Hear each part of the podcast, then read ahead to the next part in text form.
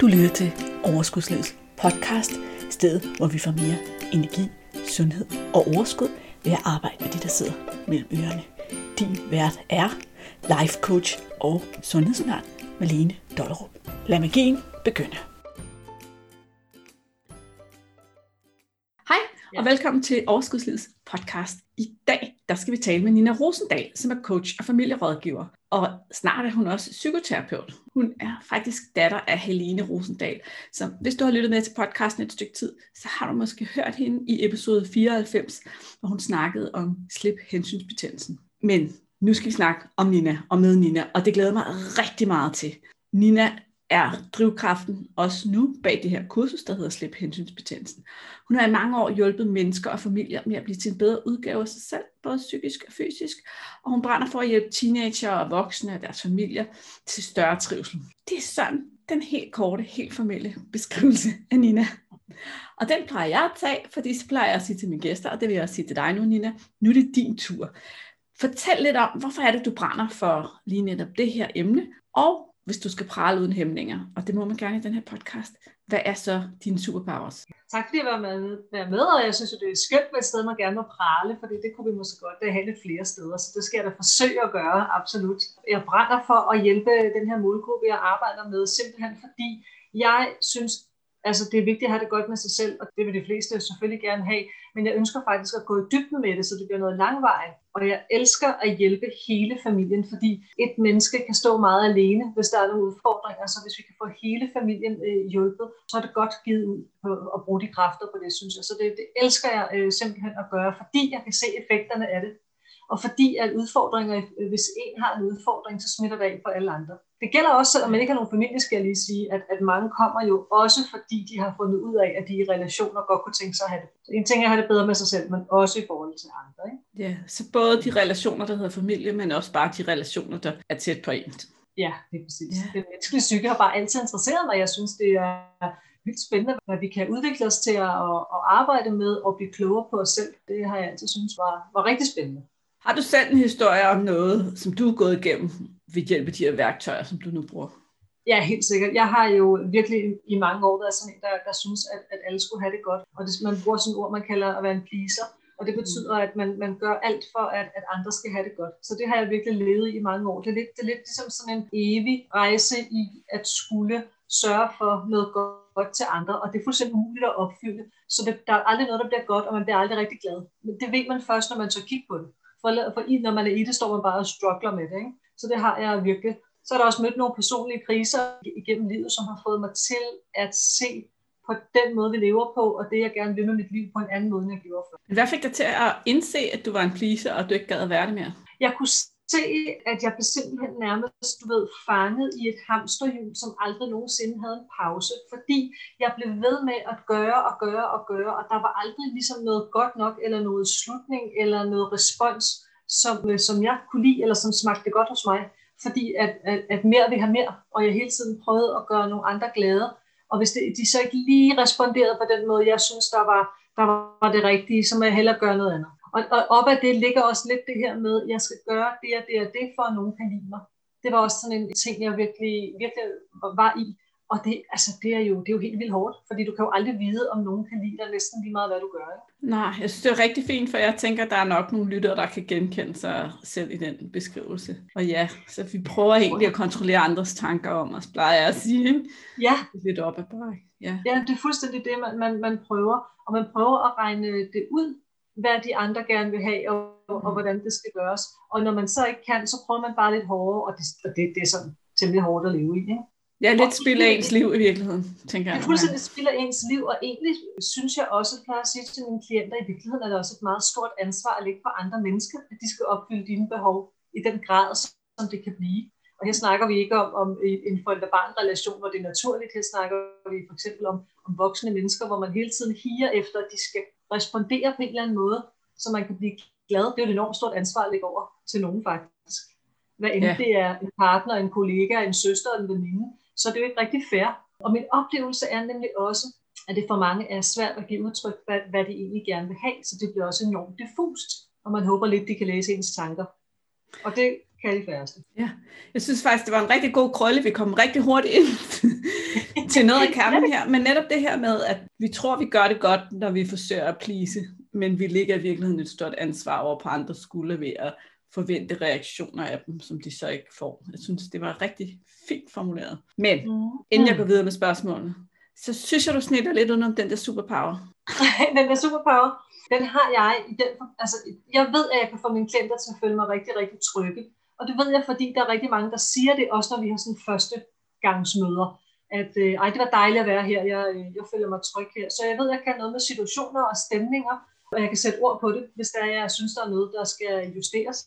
Derudover så er jeg faktisk rigtig god til at forklare, hvad jeg gør, og hvorfor jeg gør det. Og det synes jeg er enormt vigtigt i vores branche, hvor vi taler med mennesker, hvor der er mange ting, der ikke er konkrete, hvor det ikke er, du ved, en, øh, en bluse eller en vaskemaskine, man sælger, men en ydelse i at hjælpe nogen, så synes jeg faktisk også, at de har krav på at høre, hvad, øh, hvorfor gør du det, og, og, og har du bare læst det øh, du ved, i et eller andet øh, kopiside, der lige lå på skrivebordet, eller ved du noget om Og det er jeg god til at forklare. Det er, det er vigtigt. Og den sidste ting, som jeg ved er super vigtigt for mine klienter, det er, at jeg er ikke bange for at sende dem videre, hvis jeg synes, de skal til en anden specialist. Og det, det handler om også at kende sine egne begrænsninger. Og det kan godt lyde som det modsatte af at prale, men det er det faktisk ikke. En gang ville jeg have syntes, at jeg skulle kunne det hele, men jeg synes faktisk, det er fedt at kunne sende nogen afsted, hvis de har en udfordring eller en lidelse eller noget, som ikke lige er inden for mit felt. Og det, altså, det er jo bare dejligt, når de så vender tilbage og siger, tak fordi du anbefalede hende eller ham. Det hjælper os virkelig meget. Jeg er jo i den her branche for at, at hjælpe mennesker, og en hjælp kan også være at, øh, at, de, at hjælpe dem til, hvad de skal. Ikke? Ja. Super flot pralet for det første. Tre superpowers, men jeg så også og tænkte, wow, de er jo perfekte til den rolle eller den, det job, du udfører med at hjælpe andre mennesker. Altså, hvem vil ikke gerne have sådan en coach, der både får dig til at føle dig godt tilpas og får dig til at føle dig tryg. Og også, i hvert fald i min hjerne, det der med at forklare, hvorfor du gør det det er så meget nemmere for mig at arbejde med, når nogen siger til mig, hvorfor de gør noget, end at bare sige, hvad jeg skal gøre. Nina, mm. der er jo tusind ting, vi kan snakke om, og ja. det kan være, at vi skal mødes igen og snakke en anden dag. Men i dag har vi aftalt at tale om grænser. Og det synes jeg simpelthen er et sindssygt spændende emne, som jeg tror egentlig, vi alle sammen kan blive bedre til. Jeg tror måske også, os, der tror, vi er gode til at sætte grænser, kan blive endnu bedre, end det vi er i forvejen. Mm. Måske skulle vi sådan starte helt basic. Kan du lave, give sådan en form for definering af, hvad betyder en personlig grænse egentlig? Det kan jeg godt. Altså, det er jo en stor ting at snakke om grænser. Det er et vidt begreb, så jeg skal prøve at gøre det som så nemt forståeligt som muligt. Jeg synes, når man snakker om grænser, at, at vi kan differentiere mellem den fysiske og den psykiske. Og den fysiske, det er jo, kan for eksempel være det her med, hvor tæt på os et andet menneske fysisk må komme, og vi stadig har det godt. Det, det er sådan, det er sådan en, en meget måske en nem måde at se det på. Der er også nogen, der kan bruge ordet intimsfære, for eksempel. Så hvor tæt kan jeg gå på dig, før du føler, det er ubehageligt, sådan rent fysisk. Ikke? Hvor, hvor en psykisk grænse, det er mere noget med, hvad kan jeg gøre, eller hvad kan der ske, og jeg stadigvæk har det godt med det. Altså, hvor er det, hvor, hvor jeg stadigvæk kan være med, næsten lige meget, hvad det er. Og grænser er jo forskellige fra emne til person til situation. Så vi kan i hvert fald have svært ved, det kan godt være, at man kan møde nogen, jeg har ikke mødt dem så tit, med nogen, der har en fast grænse for alt. Som regel vil den være flydende, alt efter hvad man byder nogen. Men i forhold til at definere det, vil jeg sige, det er noget med, hvad, hvad gør du, hvor du stadig har det godt? Det er det mening, Mon. Gør det? Ja, ja. Jeg, jeg synes faktisk, det var rigtig god pointe, den der også med, at, at den er flydende. Fordi jeg sad lige og forestillede mig den her personlige grænse, og så forestiller jeg mig sådan, hvis jeg lige stryger corona af kabalen. Ja. så går jeg ned i, i supermarkedet, og så er der et eller andet menneske, der stiller sig virkelig tæt på mig. Og så kunne jeg sådan mærke, ah, hold op med det, hvorfor skal du stå så tæt på? Ikke? Men hvis nu jeg var til en koncert, og folk de stod sådan helt op af mig, så jeg rørte ved dem, så ville det jo bare være, noget, sådan er det lige her. Det var bare sådan et meget simpelt eksempel på, hvordan jeg kunne se for mig, at mine grænser rykkede sig. Men selvfølgelig også, at der er nogle ting, et menneske kan bede mig om, som jeg bare vil sige ja til, og et andet menneske skal i hvert fald ikke bede mig om. Nej, det er det. Så. Men det er et meget godt eksempel, du kommer med, for der er også meget socialt i grænser, som, som, i forhold til, hvad kan vi forvente. Vi forventer ikke at stå skulder ved skulder med nogen nede ved mælken, men det gør vi faktisk, hvis vi går til en koncert. Så der er også noget med, hvad jeg er forberedt på. Og det har faktisk rigtig meget at sige for, om vores grænser bliver holdt eller ej. Det er simpelthen noget med, at jeg er forberedt på det, der sker. Vi er jo forberedt på, for eksempel, at vores børn kommer tæt på os. Vi vil nærmest utrolig gerne have det, øh, hvor, hvor fremmede mennesker skal holde sig langt væk. Så der er også noget med, hvad er ligesom implicit i det, vi regner med. Ikke? Ja, det har jeg aldrig tænkt over, men selvfølgelig, ja. Så der er vi også regner noget med, at det er okay. Vi regner med, at vi kommer tæt på nogen, når vi skal stå i en, et eller andet. Og vi regner med, at de ikke kommer tæt på os i andre lejligheder. Ja, vi er også tæt på nogen hos fysioterapeut, eller hos tandlægen, eller andre steder, hvor, hvor det er meningen, eller hvor det er en autoritet af en eller anden art. Og det regner vi næsten med. Vi bliver nærmest fornærmet, hvis de ikke gjorde noget, for nu har vi jo kommet, og vi gav også penge for det. Hvor, man- hvor dem i toget, de må godt sidde lidt længere væk, især hvis de smasker eller. Der, der kan vi have nogle andre billeder af, hvad rimeligt er. Ikke? Ja.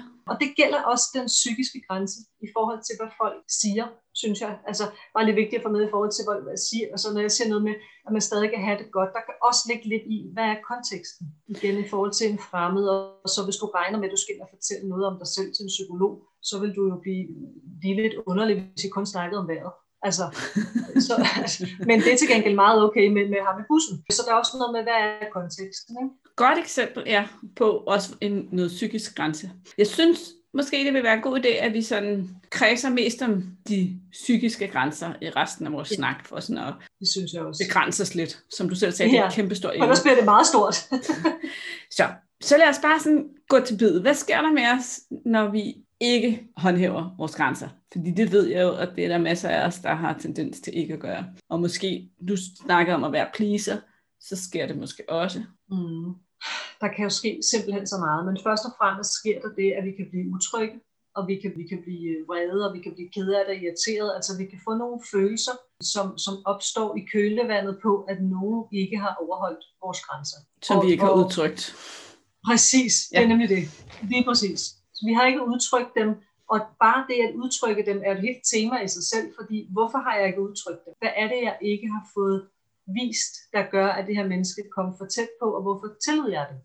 Så i forhold til, hvad kan der ske, når du spørger om det, så kan det netop være, at vi sådan bliver lidt overfaldet sådan mentalt ved, at nogen siger noget eller gør noget ved os, som vi, som vi ikke er forberedt på, og som vi ikke synes er jo. Det kan sætte sig på alle mulige måder, som, ja, som jeg sagde med vrede og irritation.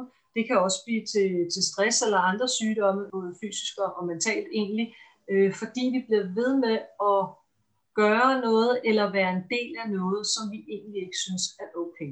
Og Ja. det er jo et kæmpe spørgsmål, så hvorfor gør vi så det?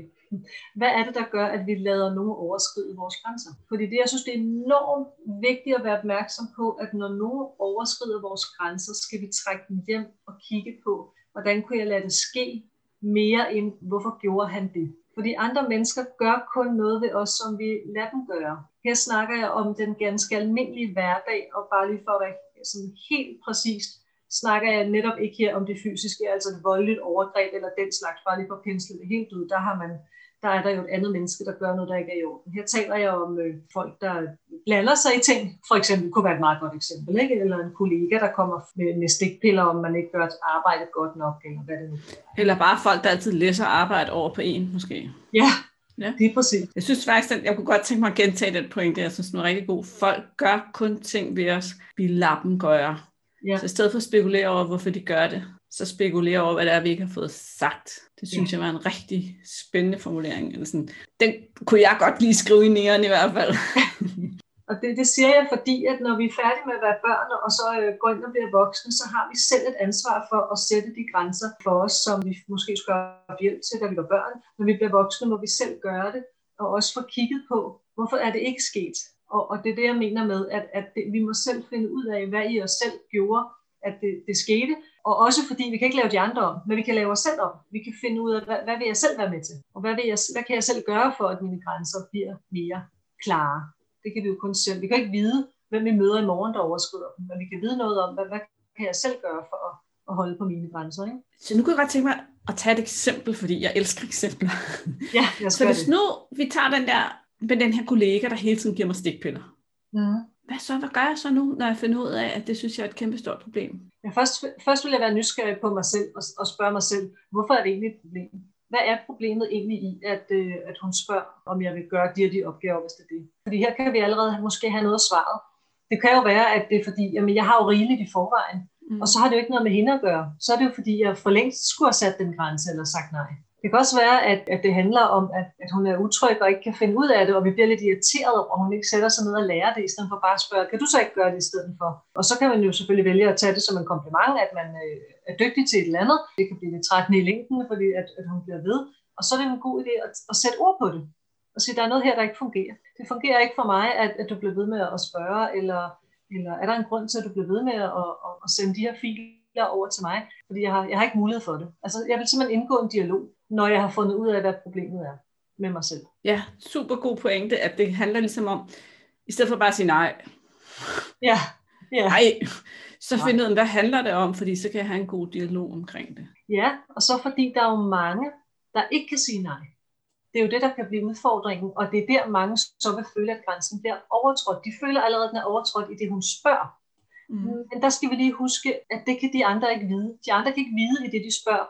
Kan du lige lave det her til i morgen?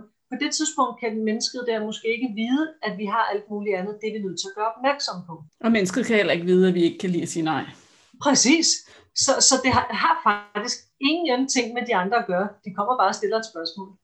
Så hvorfor problemet bliver for mig i at sige nej, eller hvorfor jeg har sagt ja for længe, eller hvorfor jeg allerede er fyldt op og har overarbejdet langt ud over klokken, jeg tænkt, tid jeg skal hjem, det har intet med de andre at gøre. Det har med en selv at gøre. Og det er simpelthen så irriterende, men det er sådan, det er. For det havde været meget nemmere, hvis det var de andre. Men det er ikke de andre. Det er, det er dig, der på et eller andet tidspunkt har lavet en form for øh, mønster i dig selv, eller en form for tradition, der bare hedder ja og ja, hvis man er sådan en. Ikke? Det er der jo mange, der er. Ikke? Jo, jeg elsker, at du anerkender, at det er super irriterende at opdage, at det er over på en selv, fordi det er det jo. Det er super irriterende. Det er super hårdt arbejde. Men det er også mere givende, vil jeg lige sige. Fordi ellers så møder du bare en ny i morgen, der siger det på en anden måde, så trigger det dig igen. Så det er meget mere givende at få kigget på, hvordan kan jeg selv et eller andet. Ikke? Og det giver os jo kontrollen tilbage. Der er mange mennesker, der sådan går meget op i at have kontrol. Så når vi tager det hjem, så får vi kontrollen tilbage. Og det tænker jeg, det kan i hvert fald være en trøst, hvis jeg synes, det er svært at tage hul på. Ja. Men skal vi ikke snakke om det? Fordi nu har vi snakket om, at mange har svært ved at sige nej. Det er svært at sige nej. Vi har sikkert også begge to svært ved at sige nej selv en gang. imellem. det sker for os alle sammen. Men hvor, hvorfor er det, hvorfor kan det føles så svært eller uoverkommeligt håndhæve sine egne grænser? Det kan være svært og uoverkommeligt, hvis man ikke er vokset op med eller har en tradition for, at det er okay. Og det kan altså stamme ret langt tilbage, og nu skal jeg nok lade være at gå ind i det, den helt psykoanalytiske ting omkring det. Men hvis, da, hvis vi ikke har fået anerkendt på et tidspunkt, hvor grænser ligesom skulle etableres i os, som er ret tidligt, fået anerkendt, at det var okay at sige til og fra, så er de lidt for flydende, eller også er de ikke eksisterende, eller også er de sat så hårdt, så der ikke er nogen, nogen hvad hedder sådan noget, lidt blødhed i dem. Det kan jo være mange forskellige ting, der gør, at der kan være problemer med grænser. Det kan jo gå begge veje. Ikke? Så det handler om, at hvis jeg ikke er blevet mødt i, at min grænse bliver respekteret, så er det ikke det DNA, jeg har bygget op omkring grænser. Og så vil det til evig tid være en, en kamp, fordi jo ældre vi bliver, jo mere arbejder i det, for så har der været mange år, hvor det har været modsat. Skal man lige huske, at der har været, altså hvis vi taler om det omkring voksne mennesker, så har der måske været rigtig mange år, hvor det har været dårligt, så tager det også lige lidt tid at, at vende det til noget godt. Ikke? Ganske almindeligt banalt eksempel omkring det er noget med, at mor siger til, til sit barn, du skal tage jakke på, fordi det er koldt, og barnet siger, jeg fryser ikke, jeg har det utrolig varmt. Nej, det skal du, det siger jeg. Det kan lyde som en kærlig reminder på, at det ikke er, du fryser, men det er samtidig en sætning, der siger, jeg tror ikke på, at du har det sådan, og jeg lytter heller ikke til, at du har sagt nej. Her, over, her overruler jeg. Og nu er jeg selv mor, så jeg har også gjort det selv, så det er ikke fordi, jeg ligesom hæver mig over andre overhovedet. Det er også derfor, jeg sidder og siger Ja. og jeg snakker med folk hver dag, der har det sådan. Det har, det har ikke noget med sagen at gøre. Vi har gjort det i kærlighed. Vi skal bare vide, at så noget, det var for at komme et banalt eksempel, mange gange om dagen over lang tid kan gøre noget ved grænser. Så fordi vi har sagt det til vores børn nogle gange, eller vi har nogle områder, hvor vi gør det, jeg håber, vi alle sammen har det, for eksempel i trafikken, der har vi sat en grænse, før de får deres egen erfaring med at gå ud på vejen. Det er klart, men der kan være andre steder, hvor vi måske skulle have lavet vores børn prøve lidt mere selv. Det kan man så jo ikke lave op, men man kan blive opmærksom på det som voksen, at hov, her havde jeg noget, som jeg ikke ja. respektere. Så bare så, så vi ikke alle sammen sidder og har kollektivt sådan rasende dårlig samvittighed, så sker der ikke noget ved, at vi har gjort det en gang imellem. Men det kan okay. godt være, at hvis vi har gjort det igen og igen og igen og igen, at det kan have udviklet sig til en udfordring. Ja, sådan massivt øh, over tid. Ikke? Godt. Og så skal vi lige huske, at børn også er forskellige. Så den samme du ved, sætning til, til Hans som til Grete udvikler sig jo ikke på samme måde. Så børn er jo også forskellige. Ikke? Ja, ja, den ene vil bare tage jakken af, så snart du lukker øjnene, ja, og den anden vil pænt ja, ja. gå med jakken på og svede. ja, ja, ja, lige præcis. Ikke? Så der er, også, der er også meget forskelligt der. Men det, men det var også bare for at komme med et eksempel på, hvor, hvor er det egentlig, det starter, at vi ikke får lyttet til det. Og så, og så det, det, der er humlen her, det er jo, at børn er simpelthen så lojale over for deres forældre og tror på dem, så de vil jo lytte til dem. Det vil sige, at vi er alle sammen vokset op med, at det var vores forældre, der, der på en eller anden måde var jo var fyrtårnet i vores liv. Vi kiggede den vej, så stolede vi jo mere på det, de sagde på vores egne følelser. Og så bliver man sådan lidt i tvivl, fordi så, nå, så er det nok ikke rigtigt det, jeg føler. Så må jeg hellere tage jakken på, eller spise op, eller hvad er det nu, hvad det nu kan være. Vælge den her uddannelse, fordi et eller andet, eller men uden at mærke efter selv. Og det, det er jo noget, som vi har en lang tradition for, den måde, vi opdrager vores børn på og er blevet. Det har forandret sig lidt over de sidste 10-15 år måske. Men mange af os har, har oplevet noget, der er lidt mere autoritært, end, end vi er opmærksomme på i dag, kan være udfordrende. Ikke? Ja, det mener. Godt. Ja, det gør rigtig god mening, Nina. Jeg, jeg sidder bare og kører med 120 og alt muligt op i hovedet på mig. Men jeg tror, det vigtige, jeg vil spørge dig om nu, det er, ja. hvis nu vi genkender os selv, jeg er ikke særlig god til at sætte grænser, jeg er ikke særlig god til at sætte nej, at sige nej, jeg kan godt blive rigtig irriteret på min mand, min kollega, mine børn, eller min søster, eller min, min egen børn, som kommer og vil have passet børnebørn, og alt det her. Og det vil jeg gerne blive bedre til. Behøves vi så altså gå tilbage og forstå alt, hvad der er foregået med os i vores fortid, eller kan vi bare begynde at øve os? Vi kan bare begynde at øve os. Godt. Absolut. Det er bare at starte fra i dag. Fordi det, det er simpelthen at tage en beslutning om, hey, jeg får øje på noget, der skal være anderledes. Vi øver os i dag. Så det behøver man, øh, det behøver man overhovedet ikke det var, for mig var det bare vigtigt at sige, som sådan en baggrundsviden, man kan have. Men man behøver ikke nødvendigvis at vide det, og der er masser, jeg har arbejdet med, der rykker sine grænser uden at grave hele barndommen op. Altså helt sikkert, det er der. Så det behøver man slet ikke. Man kan bare starte i dag, lige nu. Jeg synes, det var en fed, og det var også en god baggrundsviden, fordi jeg tror også, jamen der sidder garanteret nogle af os, der kan komme i tanke om, um, jeg er da egentlig også, nå, det er nok derfor, det, det, det. Så det var en fed baggrundsviden, men det er også rart at vide, at jeg ikke behøver så grave det hele op for at blive bedre til det. Ikke? Mm. jo, det er meget rart at vide. Så kan det blive en meget lang proces. Det kan også godt være, at du egentlig på en måde allerede har svaret på mit næste spørgsmål, fordi det her med, at der er nogle grænser, der er sværere at sætte end andre. Nu kommer jeg med et eksempel. Ikke? Altså hvis nu der kom en fremmed mand forbi ude på gaden og sagde, hej, du ser lækker ud, jeg vil gerne have sex med dig, så ville det overhovedet ikke være svært at sige nej. Mm. Du kan bare glemme det, Mark. Ja, præcis. Så vil det alle nok men så, det, det er for eksempel noget, jeg hører hos mine klienter rigtig tit, ikke? at deres børn ringer og spørger, kan du ikke lige passe børnebørnene? Og de er helt udmattede og trætte, og puha.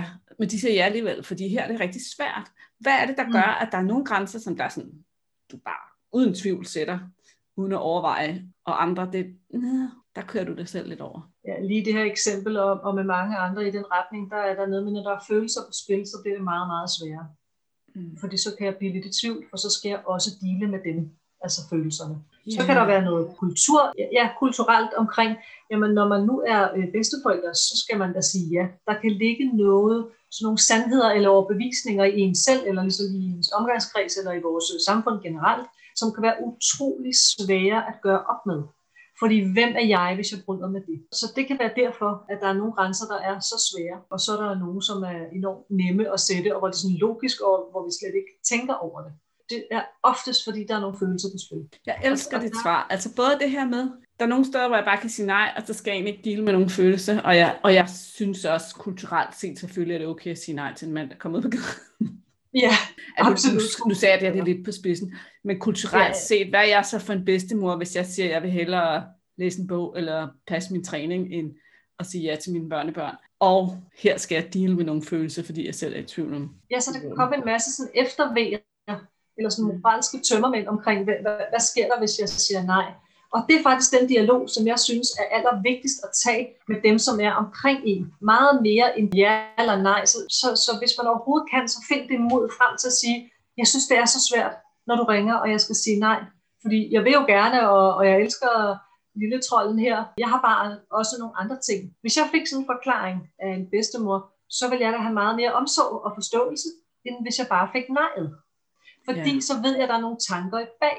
Og det synes jeg godt kan betale sig med dem, der er tæt på os.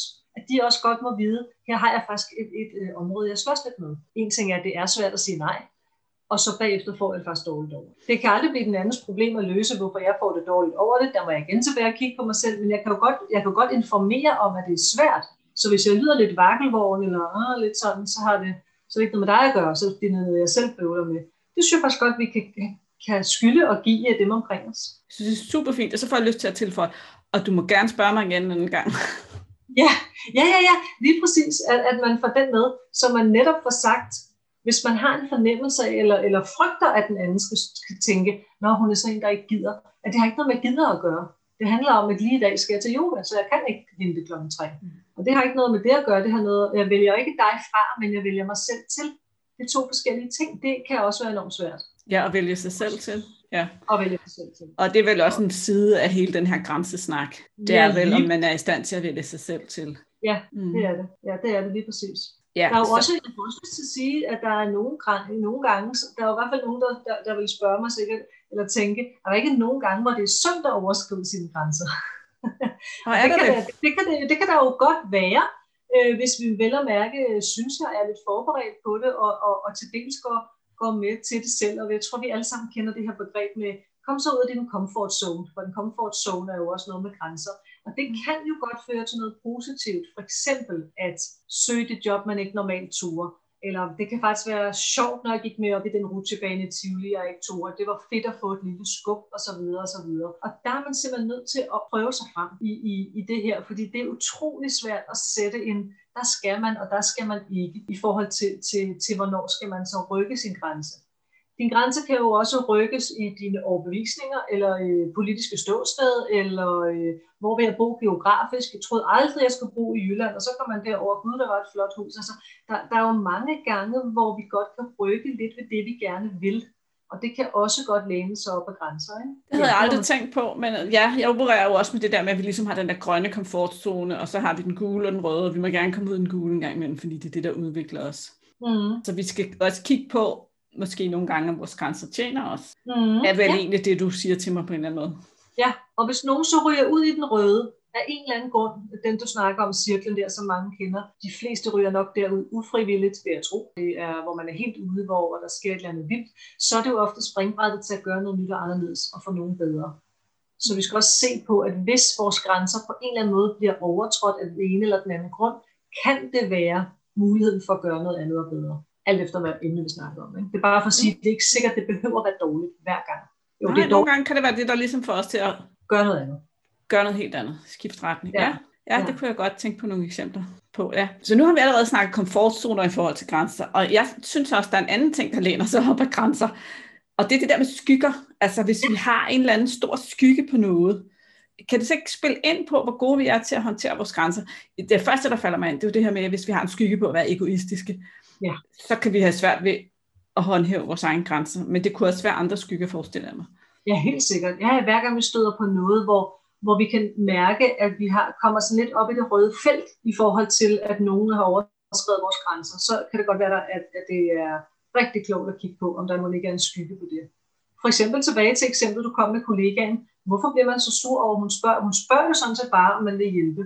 Mm. Og, og der kan man jo godt have en skygge på, på det her med bare at spørge om hjælp ej, nej, hvis man er vokset op med, at jeg skal kunne klare det hele selv, så er det jo en trigger, at nogen spørger om hjælp, ikke? Og, og ting i den retning. Og det, kan, og det kan også være det her med, det kan også være det modsatte, hvis, nogen, hvis man synes, nogen er dogne.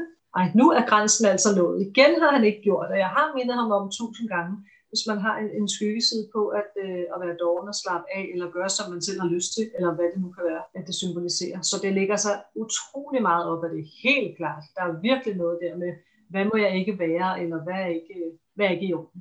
Ja, så alt det, jeg ikke vil være, alt det, jeg ikke synes er i orden. Når andre mennesker kan det, så føler vi faktisk, at de overtræder vores grænser og har svært mm. ved at sige fra. Ja. Og ender med bare at blive sure. Ja, eller irriteret, eller alle de andre ja. ting. Ja, ja så det er, det er du fuldstændig ret i. Det er, det, det er meget nært beslægtet. Altså er der en, ligesom en, er det smart at arbejde med sine grænser først, eller med sine skygger, eller er der ikke ligesom sådan en sæt en stående måde, at det skal gøres smartest? Det er faktisk et meget godt spørgsmål. Ja, det, det er et godt spørgsmål. og det kan også være, at det at arbejde med den ene i høj grad ja, jeg tror, det vil påvirker den anden. Det er det, jeg sidder og lurer på, at, at hvis du tager fat i den ene ting, så vil det nok smitte af på det andet. Jeg vil arbejde med der, hvor der var mest sådan, øh, energi, forstået på den måde, der hvor der er mest besværlighed. Der tror jeg, jeg vil starte og se, om ikke det øh, kunne løse noget af det andet. Og det er heller ikke sikkert, det er enten eller, fordi for det kan være forskellige grænser, eller forskellige skyggesider kan jo godt have forskellige hvad skal man sige, altså fylde mere eller mindre i ens liv. Ikke? Så. Ja, selvfølgelig. Ja. Men man kunne godt forestille sig, at man både kan arbejde med lige så forsigtigt et sted og bede om hjælp, og samtidig forholde sig til, at man vil hjælpe dem, der beder en om hjælp ved at sætte en mm. grænse. Ja. Ja, klart. Det er godt, jeg også har stillet nogle svære spørgsmål. Det skal ikke være så nemt. Det er rigtig godt. Det er, det er simpelthen så godt. Det er godt at få tænkt sig lidt om her. Yes, Nina, fantastisk. Jeg tænker på, fordi du snakker jo også meget familie og familiedynamikker. Du er familierådgiver. Så derfor mm. tænker jeg, at vi også lige sådan skulle røre det. Altså det her med, mm, hvordan spiller det her med, hvor gode vi er til at sætte grænser ind i dynamikken i sådan en familie? Hvis mor eller far er dårlige til det, hvad betyder det så for dynamikken? Og, og giver vi det videre til vores børn? Ja, det er jo lige det. Og vi får givet alt muligt videre. Ikke? Først og fremmest, øh, det kan vi godt få givet videre, og det kan også være, at vi ikke gør det. Så om jeg er god til at sætte grænser eller ej, er svært at sætte lighedstegn med, om mit barn så får det. Og dem, der har flere børn, vil måske også kunne se, at der er forskel på børnene, selvom du er den, nogenlunde den samme person. Ja, så, så det, kan, det kan være forskelligt. Men de vil kigge på, hvem du er, og om det har indflydelse på en familiedynamik, ja. Fordi det kan faktisk godt være utrygt for et barn, hvis der ikke er grænser fra de voksne, fordi ansvaret kan komme til at lande over på børnene. Og børn tager det ansvar, der ikke bliver taget hos de voksne. Og det kan være at pakke sig og putte sig og blive den stille pæne pige, eller det kan være at råbe op for at vække forældrene og blive den, den udadreagerende på. Og det kan se ud på alle mulige måder.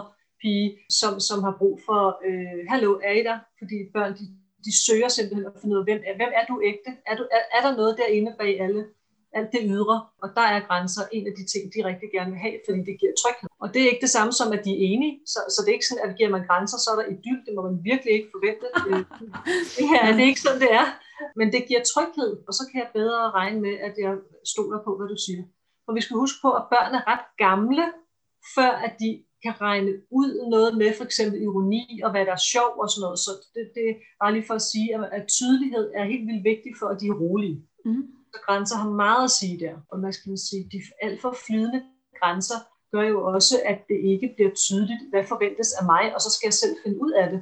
Og det er jo øh, det er også udtryk for et barn. Ikke? Lad mig lige sådan tænke eksempel, hvad forventes af mig? Altså helt lavpragt, så kan mor, som ikke fortæller børnene, at hun gerne vil have, de hjælper med at rydde ud efter bordet og sætte det op på skimaskinen og ja. et eller andet så stå og være super sur og i dårlig humør over, at det er hende, der gør alt arbejdet, og der er ikke nogen, der hjælper til. Men fordi det ikke er blevet sagt højt, og mor bare flyner ud dagen efter, eller et eller andet, så, så bliver det meget utrygt frem for, hvis det er bare ligesom upfront, jeg vil gerne have du du du. Altså er det sådan, du mener? Ja, lige præcis, fordi der, så kan der blive samlet lidt til bunke. Og, og det kan komme ud på alle mulige måder. Man kan blive sur og indebrændt, og man kan også gå i den der, nu har jeg ordnet hele ugen, og I kan nok se, og I kan nok regne ud type mor. Og man kan også have nogen, der bare bliver stille og indestængt. Og lige meget hvilken model man bliver, så kan vores børn læse os på utrolig lang afstand. Og lige meget hvilken model man bliver, så er det ikke en rar stemning at være i. Så der er noget, der ikke bliver rart. Mm. Og, og så kan det komme til at lande som om, ja, det er din skyld, du kan nok se, og her i familien er vi altså sådan nogen, der husker at bære vores tallerkener ud og alt muligt. Hvis det ikke er blevet sagt på det tidspunkt, hvor det er passende for børn at lære, hvor skal man så vide fra? Vi kan selvfølgelig se, at vi gør det, så det, så det er ikke sådan, at alt behøver at være med ord, men det skal, det skal være, man, de skal hjælpes lidt på vej til at blive en del af den dynamik, vi gerne vil have. Og det har vi det fulde ansvar for som voksne. Vi kan ikke regne med, at vores børn kan regne det ud. Og det er sådan, det er. Der, det, det ansvar kan vi ikke lægge på dem. Så det kan gøre rigtig meget ved en familie, hvis man ikke kan mærke sine, sine egne grænser. Man kan simpelthen komme til at gå alt for langt. Du kan, også, du kan altså også have nogen, der sætter dem alt for hårdt, fordi at de selv er vokset op i det, eller de bliver bange for, hvis jeg giver efter, hvad sker der så? Så det hvad er et eksempel på at sætte en grænse for hårdt? Det kan fx være, hvis jeg har sagt nej, så bliver det sådan. Hvis du så inderst inden fortryder, fordi du fandt ud af, Gud, nå, nå, jamen, der er jo ikke nogen trafikeret motorvej, så kan de godt gå over til parken selv. Så i stedet for at sige, jeg har tænkt mig om, eller jeg har lige undersøgt sagen, selvfølgelig kan I gå derover selv, så kommer jeg om fem minutter. Hvis man holder fast i, nu har jeg sagt nej, fordi jeg har sagt nej, og det ligesom bliver sådan en nej for nejets skyld, så er det jo heller ikke ægte, og så, det, så, kan det, så kan det også lære barnet noget om, når, når man har sagt det, så kan det ikke laves om. Og det betyder, at jeg ikke må fortryde. Og det er ikke særlig hensigtsmæssigt på lang sigt, hvis vi ikke må fortryde vores valg. Nej, det giver mening. Så kan, så kan jeg jo vokse op med, at hvis jeg først har sagt ja, så skal jeg gøre noget. Og den er ikke så god. Og den er i hvert fald heller ikke god, hvis vi taler om de fysiske grænser. Og så tænker jeg også, at det kan gøre det utroligt svært at træffe beslutninger. Ja. Hvis jeg tror, at jeg aldrig må fortryde noget, så bliver det sådan farligt at, at beslutte, ja. og så ender jeg i det der limbo, hvor jeg øh, hver gang jeg skal træffe beslutning. Præcis. Og det er simpelthen så i orden at fortryde sine valg, eller komme tilbage og sige, at jeg har tænkt over det. Det er jo meget mere almindeligt og dynamisk. Og og det giver en, en bedre fornemmelse i familien, fordi vi kan tale om tingene, og vi kan vise vores børn, at sådan er virkeligheden. At, at ting kan forandres, eller, og jeg ved ikke alt som forældre, altså det er jo ikke fordi man er et orakel, fordi man er blevet mor eller far. Nogle gange må man jo sige, det bliver nødt til at tænke over eller undersøge, og det viser jo sådan set bare, at jeg interesserer mig for det, du spørger om. Børn spørger jo, fordi de gerne vil være en del, af noget, ikke fordi jeg skal være et leksikon. Og det synes jeg også er, er rigtig vigtigt her. Og man kan også have, have noget, der hedder, at jeg er lige midt i noget. Hvis jeg skal give et ordentligt svar, så, så bliver det først om et par timer. Fordi, hvis man kender sig selv, eller så bliver man nej, fordi man har travlt. Ikke? At man lige har lov at sige, at jeg vender lige tilbage. Og det gælder altså også, når, når vi taler med voksne. Og vi er jo ikke tvunget til at give et svar, fordi nogen spørger. Og jeg kunne godt lide, at der var en, ligesom en anden point, det er det også, også over for vores børn, vi behøver ikke slippe alt, hvad vi har i hænderne, fordi det, lige nu det passer dem at få et svar. Det, synes, det, det lader jeg lige mærke til også, den kunne jeg godt lide. Ja, det synes jeg er, er rigtig vigtigt, fordi det kan godt, godt være med i den her følelse af, at der ikke er plads til mig som mor, hvis jeg hele tiden skal ofre mig. Mm. Og det giver også et billede af, eller man kan sige, hvad er det for, hvad er det for, hvad er det for en verden, jeg gerne vil vise, eller den måde, jeg er i verden på, det er det, mit barn kigger på. Så jeg har, jeg har også en, en god idé i at være en god rollemodel, og er det en god rollemodel altid at sige ja og ja og ja og ja, til man er slidt ned? Ikke rigtigt, vel? Altså, det er jo det, det er ikke rigtig godt, men vi kan godt falde i det, især over for vores børn, og også over for vores partner. Og til sidst, så, ja, så kan det være, at man bare slidt helt ned, eller man eksploderer, eller der kan jo være alle mulige udfald af at gøre det på den måde, som ikke er, er særlig sundt. Ikke? Så nej, børn kan godt udsættes alt efter alder. Altså, altså det er jo også noget med lige at kigge på alderen. Der er forskel på, øh, om du er to måneder eller om du er 12 år. Og, ja, og, og du to år har tisset bukserne og siger, mor, vil du lige hjælpe mig? Så kan det godt være, at du skal... så skal det være nu, så skal det ikke være to.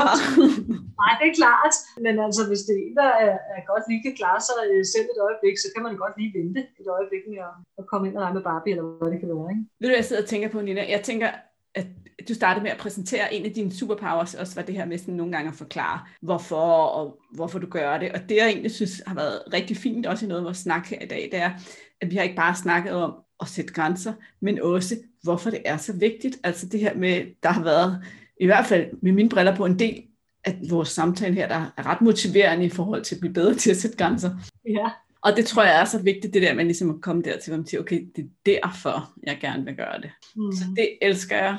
Og jeg synes også, du har givet nogle gode altså eksempler på, hvordan man kommer i gang med det. Har du sådan, nu ved jeg ikke, du har jo både familier og enkelte personer gået fra, men har du en eller anden form for eksempel eller case, du måske sådan kan dele med os for noget, give et eksempel på før og efter? Jeg kan tro, jeg har en, øh, en case på en, en, øh, en ung pige, jeg har haft i forløb, som øh, ikke var glad for det skoleforløb, hun havde. Var på en efterskole på det tidspunkt, og det krævede store overvejelser, om hun skulle gøre det eller ej at blive der eller ikke blive der. Og der gik arbejdet ud på at finde ud af at, at mærke, hvad kan jeg godt lide, og netop hvor er mine grænser.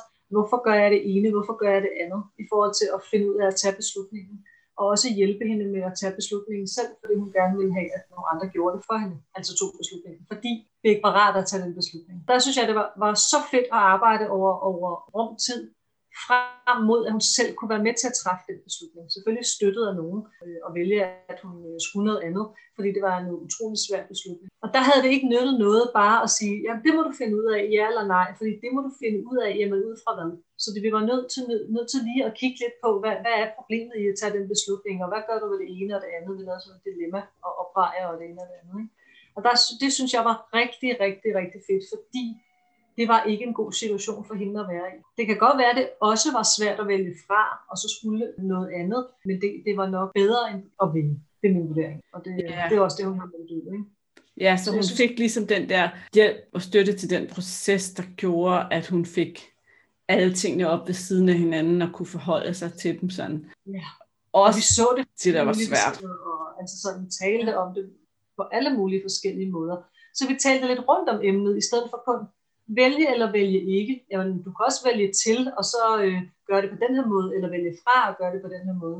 Jeg synes, det er så øh, vigtigt at vide, at det er sjældent, der kun er to øh, veje, når vi skal vælge. Der er som regel flere, men det går, at vi skal have lidt hjælp til lige at se de andre veje. Ja, ja, det er jo ikke alle beslutninger, der er jordbæris eller chokoladeis. Der er tit lidt, lidt flere, mere dybde i dem. Og jeg tror, altså, Nina, det vil jeg elske at lave en podcast om en anden gang, hele det her med beslutninger, fordi det synes jeg også er et ekstremt interessant emne. Mm. Men en podcast ad gang. en ad gang, ja lige præcis. Ellers så går det for vidt, ikke? Men jeg tænker, at vi snart skal runde af. Har du mm. en eller anden form for tip, eller måske en lille øvelse, eller sådan noget, som du kan give lytterne, så de kan gå ud og gøre nu og her, for måske at finde, opdage nogle grænser, opdage nogle steder, de ikke sætter grænser, eller blive bedre til at sætte grænser, det vælger du selv. Altså en af dem, som kan fungere her øh, og også andre steder, det kan faktisk være at sige, hvad vil du sige til en anden person i samme situation? Mm. Altså det her med at, at bare tage en ganske tæt på dig, fordi så, øh, så vil du helt sikkert have utrolig meget omsorg og se, hvordan, hvordan vil du tage beslutningen for dem, eller hvad vil du sige som et godt råd til andre, og så bruge det på dig selv. Det er som regel en rigtig, rigtig god måde at gøre det på, fordi nogen af os synes, det er lidt nemmere at se det udefra, eller hvis det var en anden, end når vi skal gøre det selv. Så bare mm. lad som om du uh, skal give råd til en veninde, eller en søster, eller dit barn, og så brug det selv. Det kan som regel være ret brugbart. Ikke? Og så er, der, så er der hele den der del omkring at bruge din intuition mere end dit hoved, fordi den lyver som regel ikke. Hvorimod hovedet kan godt gå i gang med alle mulige ting, frem og tilbage og opveje og alt muligt. Men hvis du sådan set skulle mærke efter, og hvordan gør man så det? Det kan være en øvelse i sig selv. Og til den aller sidste, jeg har, med sådan tre altså, Ja, altså, du svarede ikke rigtigt på det, så, så let okay, slipper nej. du ikke, Nina. Så hvordan gør man det? Er det noget med lige at mærke, hvordan det føles ned i maven? Det kunne være noget med at mærke, hvordan det føles ned i maven. Det kunne være noget med at sove øh, på det. Og det kunne også være noget med det som at, hvad skal man sige, gå rundt om det et par gange i stedet for at skulle tage beslutningen med det samme. Det siger jeg, fordi at kroppen er langsommere end hovedet. Så mens hovedet er kørt afsted med alle mulige gode forklaringer, så den måde, vi har det på, er som regel et bedre svar, men det kan godt lige tage en lille smule længere tid. Og hvad er en lille smule længere tid? Ja, det kommer an på, hvor trænet vi er. Okay. Super. Det kan godt være det der sug i maven, som du siger, øh, og det kan også være alt muligt andet. Nogle bliver sådan helt svimle, når de skal uh, have taget en forkert beslutning. Det er et meget godt pejlepunkt at være ops på også. Ikke? Så får du lov at sige, fordi du var ved at sige, og den tredje, bare fordi det drysser ud af ærmet på dig. det, det, det, var, det var så godt, du stopper mig. Men det er kun fordi, vi er jo forskellige, så vi har forskellige ting, som, som fungerer for os, og nogle er også meget sådan, du ved, indarbejder ting fysisk. Så det kan også være, du ved, at stille sig op og netop omkring det der komfortzonen finde ud af, altså noget med grænser kan også være at gøre noget fysisk med ens hænder, for eksempel, hvor, hvor går mine grænser, hvad kan jeg sige nej, og hvad kan jeg sige ja til? Altså den slags øvelser og bevægelse i kroppen og sige nej, samtidig med at man skubber væk, kan godt være sådan en, en god indarbejdelse, især, især hvis det ligger utrolig langt tilbage, eller du har en fornemmelse af, at det har været svært for mig længe. Fordi så den her med nej tak mor, da man var to år, hvis den ikke er blevet støttet, så kan du stadig have brug for den. Det er bare for at forklare, hvorfor den kan være god. Ikke? Men til at skabe det her space rundt om dig. Og ja. det gælder også de, de psykiske grænser. Ja. Ikke? Herude. Og jeg ringer jeg ringer om time, eller jeg, jeg ringer, når jeg er klar, eller hvad det nu. Altså, der, der er simpelthen noget i også at gøre noget, som nogen synes er ret givende. Så det er og det, at... det er vil sige til lytterne, fordi det kan man jo ikke se på en podcast, men det er Nina, hun sidder her ved siden af mig, og så, så siger hun, jeg ringer min team, og så tager hun sådan faktisk armene sådan ud foran sig, og nærmest sådan laver lidt en cirkel med spredte hænder. Så hun ligesom skubber lidt luften væk fra sig. Det giver en meget god idé om den der sådan fysiske understregning af det, hun prøver at sige. Mm. Det, det, det betyder ligesom at give plads til mig. Det skal mm. lige have plads til mig, så jeg kan mærke efter, om jeg har lyst til at sige ja til det, du spørger mig om. For hvis vi er helt kvalt i det, så kan vi jo ikke mærke det. Så, mm. altså, så, så vi er nødt til lige at have lidt plads. Det er rigtigt, det kan man ikke se. Gode tips. Tak for dem. Jeg elsker dem, Nina. Alle tre. Så nu skal vi lige høre. Ja. Der sidder til nogle lytter og tænker, hende Nina, hun er spændende jeg skal vide noget mere om Nina, jeg skal lære noget mere af hende, jeg skal måske have hendes hjælp. Hvor skal de gå hen? Det bedste vil simpelthen være at gå ind på min hjemmeside, ja. ninarosendal.dk, fordi der, der kan du komme i direkte kontakt med mig. Der er både mail og telefonnummer. Jeg findes også på Facebook og Instagram. Det er der også link til inde på hjemmesiden. Og sidst, men absolut ikke mindst, har jeg en online klub med fokus på at være selvkærlig og, og værdsætte sig selv. Og du er også utrolig velkommen, hvor du får nogle tips og idéer og har mig øh, direkte på alle mulige former for platformer, man nu kan have til at hjælpe med det. Det lyder også som en rigtig dejlig online klub. Ja, det er det også. Hver måned. Ja, fedt. Det er selvfølgelig sådan, at jeg sætter linksene i episodenoterne, både til din hjemmeside, til Insta, til Facebook, så man kan gå direkte derind og klikke. Inden vi slutter, mm. så skal du have chancen. Er der noget, enten du gerne vil være spurgt om, som jeg ikke har spurgt dig om, eller som du ville have spurgt om, hvis du var mig? Ja, jeg tror nok, øh, jeg tror nok noget af det, som, øh, som jeg i hvert fald øh, tit møder, når vi taler om grænser, det, det er det her med, hvor længe eller hvor meget man skal finde sig i. Altså, hvor meget, mhm. hvor længe skal jeg, du ved, prøve at holde og, og komme i dialog med nogen, hvis de bliver ved med at overskride mine grænser. Yeah. Og det vil jo være en meget individuel beslutning. Jeg vil synes at kigge på, hvorfor, altså igen, hvad, hvad problemet er ved dig. Men hvis det er nogen, der bliver ved med at gøre noget ved en, uanset hvordan det er, så skal man ret hurtigt flytte sig. Og det kan yeah. godt være, at der så senere ligger et arbejde i at gøre noget for en selv, og det kan være, at man får en anden selvforståelse senere i livet.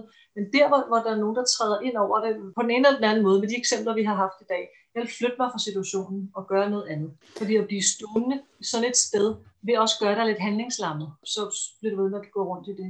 Så, der, så jeg får i hvert fald tit spørgsmålet med, ligesom, hvor meget skal jeg prøve, hvor meget skal jeg gå med til. Ikke? Og jeg synes, øh, flytter du øh, som regel gå tilbage. Ja, det ved jeg ikke. Det er måske et dårligt eksempel, men øh, måske kan man fortryde. Ikke? Man kan Super. godt sige nej til det, og så komme tilbage på den og sige, at jeg har fortrudt måske, eller jeg skal prøve at finde ud af at flytte dig, fordi du også bliver mere handlende, når du gør det. Ja, og det var et super godt spørgsmål. Jeg var glad for, at du stillede det på mine vegne. tak skal du have. Og jeg tror faktisk, at enten før eller efter den her podcast, det ved jeg ikke lige nu, der kommer der en podcast, hvor jeg fortæller om en arbejdssituation, jeg har været i, hvor jeg faktisk blev udsat for en form for voksenmobning, og ikke flyttede mig, fordi jeg havde sådan et selvbillede af at være sådan en, der bare klarer alt. Og det skabte et stort problem for mig. Ikke? Og det var der, hvor jeg måske ikke ligesom kunne blive ved med at sige, hvad kan jeg gøre for at løse problemet, men skulle have flyttet mig. Mm. Og den ramte lige ind, da du sagde det, det der. Nogle gange skal vi flytte os. Tusind tak, Nina. Det var podcasten med Nina Rosendal. Og hvis du synes, det er underligt, at hun ikke siger farvel til sidst, så er det fordi forbindelsen røg i det sekund, jeg sagde hej hej. Du kunne måske også godt høre på interviewet, at der var lidt knas med lyden en gang imellem. Men det er jo den slags ting, som virkeligheden en gang imellem byder os. Jeg håber alligevel, at du har været i stand til at tage nogle af de rigtig gode læringer og pointer med dig omkring det her med at sætte grænser og mærke efter og stå op for sig selv.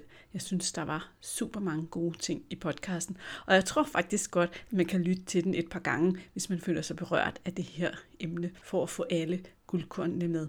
Det kan også være, at du kender nogen, for hvem det her er et rigtig vigtigt budskab, så kan jeg opfordre dig til at sende dem i podcastens retning og lade dem lytte med til det her afsnit, den her episode. Hvis du er på en iPhone, så kan du simpelthen gå ind på episoden og så klikke på de små prikker, og så er der en mulighed, der hedder kopier link, og på den måde har du en super nem mulighed for at dele linket til lige netop den specifikke episode, du gerne vil have din ven til at lytte til. Hvis du på et tidspunkt har ønsker til en, som du virkelig gerne vil lytte på, hvis ord du gerne vil høre her i podcasten, så er du altid velkommen til at give mig et lille hint om, hvem det er. Du kan skrive til mig på malenesnabelag.overskudslivet.dk eller du kan kontakte mig på en af de sociale medier. Vi høres ved i næste uge til endnu et rigtig lækkert emne. Det kan du godt glæde dig til.